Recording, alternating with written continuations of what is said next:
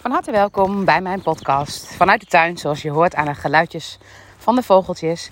Ik, ehm, ik dacht, ik spreek nog even een podcast in, want uh, ik krijg heel veel vragen. Ik krijg heel veel vragen over de online training die ik heb gelanceerd en die deze week nog voor 33 euro is. En deze week, ja, wellicht hoor je het wat later, zeg maar. Deze week is tot 18 juni 2022. Um, deze training gaat over de zwangerschap en de geboorte en wat voor goud daarin verborgen zit. Um, mijn inspiratie was dat ik op, bij de bibliotheek um, vorige week een dagje een op de markt, bij een marktkraampje heb gestaan. En dat ik daar zeg maar, eigenlijk heel erg graag wilde verbinden met mensen, met ouders. En dan graag wilde vertellen over deze periode. En wat ik merkte was dat daar nog een hele grote kloof was. Oftewel, de manier waarop ik dat altijd vertel aan studenten, want ik geef dan les aan studenten en aan therapeuten, dan is daar al een bepaalde bekendheid over dat de zwangerschap en de geboorte imprintingen meegeven. Nou, hoe dat precies werkt, um, het is echt magisch. Het moment dat, je, dat ik met een groep uh, therapeuten bezig ben en we gaan allemaal ons eigen geboorteverhaal vertellen, dan is het echt ongelooflijk hoe daar precies elke keer het thema in zit waar jij steeds in je leven tegenaan loopt. En hoe je daar ook precies het goud in zou kunnen vinden. Maar het zou natuurlijk super mooi zijn als wij van onze kinderen zouden weten wat het goud is. Hoe je een kind moet benaderen om ze te kunnen helpen. Nou, stel je voor je kijkt naar um, hooggevoeligheid bijvoorbeeld. Natuurlijk is de een hooggevoeliger dan de ander en het heeft met veel meer factoren te maken. Maar hoe heeft bijvoorbeeld jouw moeder in de zwangerschap gereageerd op prikkels? Kon ze de prikkels handelen? En hoe heeft ze bijvoorbeeld gereageerd bij de bevalling op prikkels? Ik weet nog dat ik bijvoorbeeld in de zwangerschap een ongelooflijk scherpe neus had.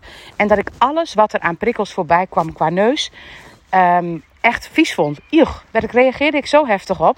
Dat ik zeker weet dat mijn kinderen, en dat is ook zo, heftig reageren op bijvoorbeeld luchtjes. En het moment dat ik keek naar geluiden, ik had best wel vaak aan het einde van de dag, was ik gewoon klaar mee. Was ik klaar met praten, wilde ik even niet zoveel prikkels meer hebben. En natuurlijk reageren mijn kinderen dan, als er te veel prikkels zijn. Mijn kinderen zijn, hebben het echt nodig om af en toe eventjes weg te zijn van anderen.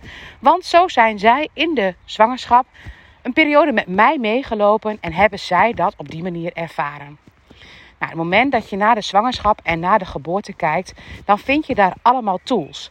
En die tools die gaan over Um, want eigenlijk het moment dat je kijkt naar een zwangerschap, dan is dat eigenlijk een periode. Het moment dat ik bijvoorbeeld een boek schrijf, dan ben ik zwanger van een boek. En het moment dat ik bijvoorbeeld een toets aan het maken ben, dan ben ik tijdens die toets zwanger van die toets. Dan ben ik in proces om uiteindelijk een eindresultaat te gaan halen. Dus dagelijks maken wij zwangerschappen mee. En de manier waarop mijn moeder een bepaalde stress heeft gehad in een zwangerschap, of een bepaalde, um, juist een heel, heel gevoel van uh, blijheid, of een gevoel van onzekerheid. Het maakt niet uit wat je moeder heeft ervaren, maar dat zijn jouw basisinstellingen. Dus waar mijn moeder, denk ik, echt in de zwangerschap heel erg veel aandacht daaraan besteed heeft aan, um, uh, nou, aan haarzelf, aan haar energie. Is dat denk ik ook wat ik zeg maar ook in mijn systeem heb. Waar ik ook een soort basis heb. Waar ik ook eigenlijk uh, nou, niet makkelijk heel Ik ben niet snel heel gestrest. Ik ben eigenlijk in dat stukje, zeg maar, heb ik het wel redelijk altijd in een bepaalde overzicht. Dus op het moment dat je, zeg maar, kijkt naar hoe jouw moeder de zwangerschap heeft ervaren, dan haal je daar allemaal antwoorden uit over hoe jij in jouw leven alle processen van jouw leven ervaart. En ik kan heel goed begrijpen dat je denkt van, goh ja, verdorie. Dan heeft mijn moeder, zeg maar, in de zwangerschap was zo gevoelig en dan ben ik daar nu zo gevoelig voor. Maar het moment dat jij weet dat dat maar een imprinting is. Want het is maar een imprinting in je brein. Ik hoef niet zo heftig te reageren op luchtjes. Maar het moment dat ik een luchtje voorbij uh, dat er een bepaald luchtje voorbij komt, uh, dan reageer ik daarop.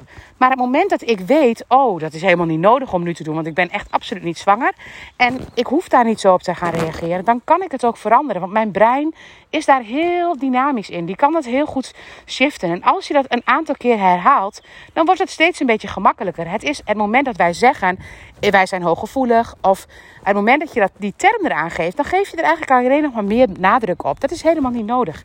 Het moment dat je ziet waar het vandaan komt, dan kun je dat ook gaan resetten. En hooggevoelig zijn, waar ben je hooggevoelig op? Ik ben bijvoorbeeld heel gevoelig wat andere mensen van mij vinden. Ja, dat vond ik in de zwangerschap ook. Ik was ook wel benieuwd wat andere mensen van mijn buik dachten, die best wel immens was. En weet je, het moment dat jij voor jezelf beseft waar jij gevoelig voor was, dan kun je ook zien waar je kind weer gevoelig voor is. Want het is één op één ligt het op elkaar. En het moment dat ik het mijn kinderen kon uitleggen, zag ik dat daar verandering in kwam. En als je naar de bevalling kijkt, een bevalling is eigenlijk een soort examen. Dus het moment dat jij voor dat examen best bang bent wat er gaat gebeuren. En uh, soms heb je bijvoorbeeld al een bevalling meegemaakt en was dat heel heftig. En dan krijg je bijna spanning van tevoren al dat je een bevalling moet gaan doen. Dan ontwikkel je faalangst. Dat hoort bij faalangst. En wat ik zeg maar zelf heb ervaren, is dat ik zeg maar ook uh, ergens dacht ik bij die bevalling, nou dat ga ik wel even doen. Maar ondertussen viel het verschrikkelijk tegen. En dat zie ik, wat bijvoorbeeld bij Jort, want Jort heeft die bevalling meegemaakt. Wat bij Jort ook zo is. En Jort heeft daarin af en toe best wel eens een duwtje nodig. Nou ja, uiteindelijk is hij met een keizersnee geboren. En het moment dat jij voor jezelf kunt zien welke factoren steeds meespelen, hoe jouw zwangerschap en bevalling is geweest, dan kun je daar heel veel antwoorden van jezelf bij vinden. En in mijn training de, jouw goud, de zwangerschap en de geboorte, neem ik je mee in deze processen. En neem ik je niet alleen mee in hooggevoeligheid of in faalangst. Ik neem je mee in de fases en welke fases wat betekent. En op het moment dat je weet welke fases wat betekenen en je gaat de vragenlijst invullen, dan krijg je meestal al heel veel antwoorden. En op het moment dat je dan denkt van, goh ja, maar ik wil nog heel graag weten van, hoe, van dit of dat, zeg maar bijvoorbeeld als je hooggevoelig bent, schrijf dan voor jezelf eens op waar jij precies gevoelig voor bent. En ben je dat op momenten dat je bij mensen bent of ben je dat op andere momenten. En schrijf dat eens op en vraag eens aan je moeder of ze dat in de zwangerschap ook was.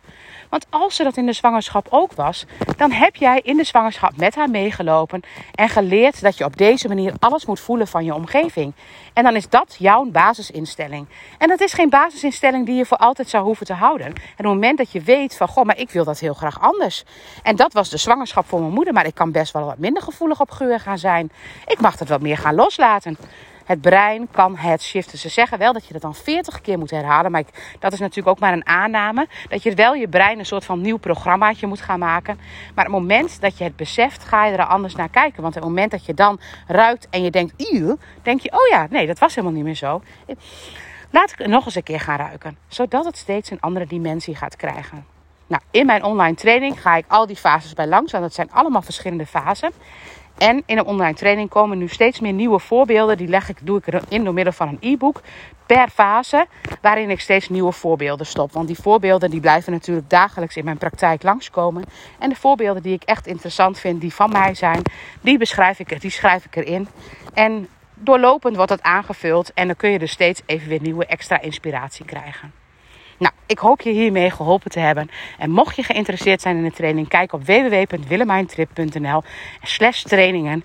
En daar vind je nog een introductiefilmpje van de cursus zelf. Dankjewel voor het luisteren.